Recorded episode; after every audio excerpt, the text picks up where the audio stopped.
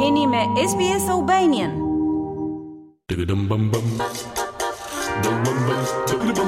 Një numër përherë dhe më i madh australianësh kanë filluar të ndryshojnë pikëpamjet e tyre mbi pasurinë, duke e konceptuar atë si liri financiare për të ndjekur pasionet e tyre dhe për të mbështetur të tjerët.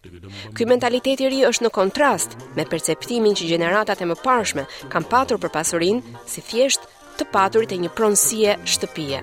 Të ndjekim raportin. Një raport i ri ka vërejtur një ndryshim në mentalitetin australian ndaj të pasuruarit. Një numër në rritje i australianëve tani po shohin pasurinë si liri financiare që u bën të mundur të ndjekin pasionet e tyre, dhe të mbështesin të tjerët. Raporti i ri i zhvilluar nga AMP dhe demografi Bernard Salt është mbështetur në një sërë të dhënash demografike dhe ka analizuar zhvillimet kryesore në shoqëri gjatë 50 apo më shumë viteve të fundit. Zoti Salt thotë se pikëpamjet kanë evoluar. Here is one of the ways in which attitudes to wealth has changed. It's softened from the from the dominance of home ownership. Një nga mënyrat që tregon se si kanë ndryshuar qëndrimet ndaj pasurisë është zbutja e dominimit të dëshirës për të patur prona që përfshin dhe pronësinë e shtëpisë dhe burimet e tjera të pasurisë dhe të sigurisë, si pensioni dhe investime të tjera. Ndërsa kostoja e jetesës vazhdon të rritet në të gjithë Australinë, çështje të tilla si përballueshmëria e çmimeve të banesave janë një faktor i madh që prek pronësinë e shtëpive në të gjithë Australinë.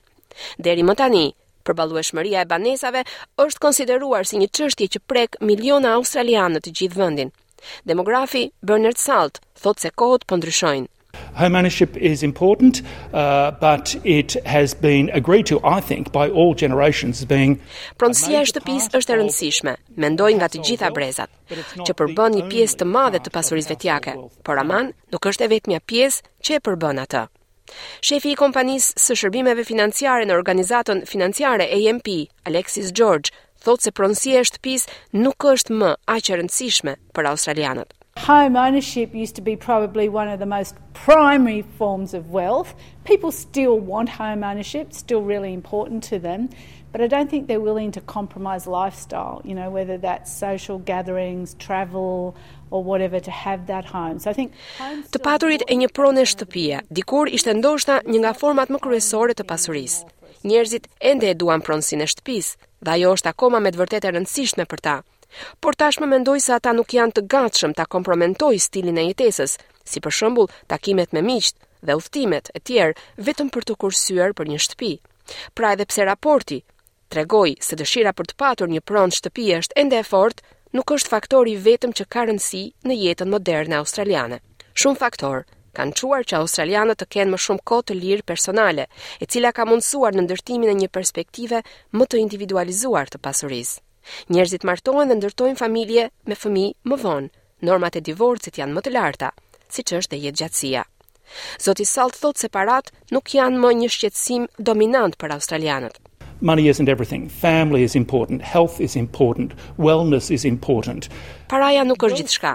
Familja është e rëndësishme, shëndeti është i rëndësishëm, mirëqenia është e rëndësishme.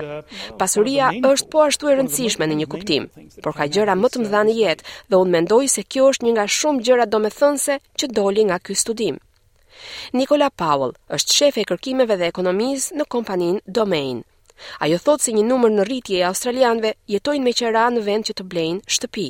I think there are a few things that are steering pe more people to rent across Australia. I think lifestyle is one of them, but also affordability ha has had a great impact. Unë mendoj se ka disa faktorë që kanë ndikuar tek shumë njerëz për ta parë qeramarrjen e shtëpive si më të përshtatshme se sa blerjen e tyre në Australi. Mendoj se mënyra e jetesës që njerëzit zgjedhin të bëjnë është njëra prej tyre, por edhe çmimet e larta në tregun e banesave ka patur një ndikim të madh. Vështirësia është jo vetëm për të kursyer depozitën për të blerë një banesë, e cila është dhe pengesa e parë dhe më e madhe për blerësit, që për herë të parë duan të blejnë shtëpi. Blerësit gjithashtu po luftojnë tani norma interesi më të larta dhe kosto më të mëdha të pagimit të kredive të shtëpive. Pra, përballueshmëria për blerësin tashmë vjen në dy mënyra të ndryshme. jo vetëm në kursimin e depozitës për të hyrë në tregun e banesave, por dhe të qenit në gjendje të përmbushë pagimet e përmuajshme të hipotekave, është shprehur ekonomistja.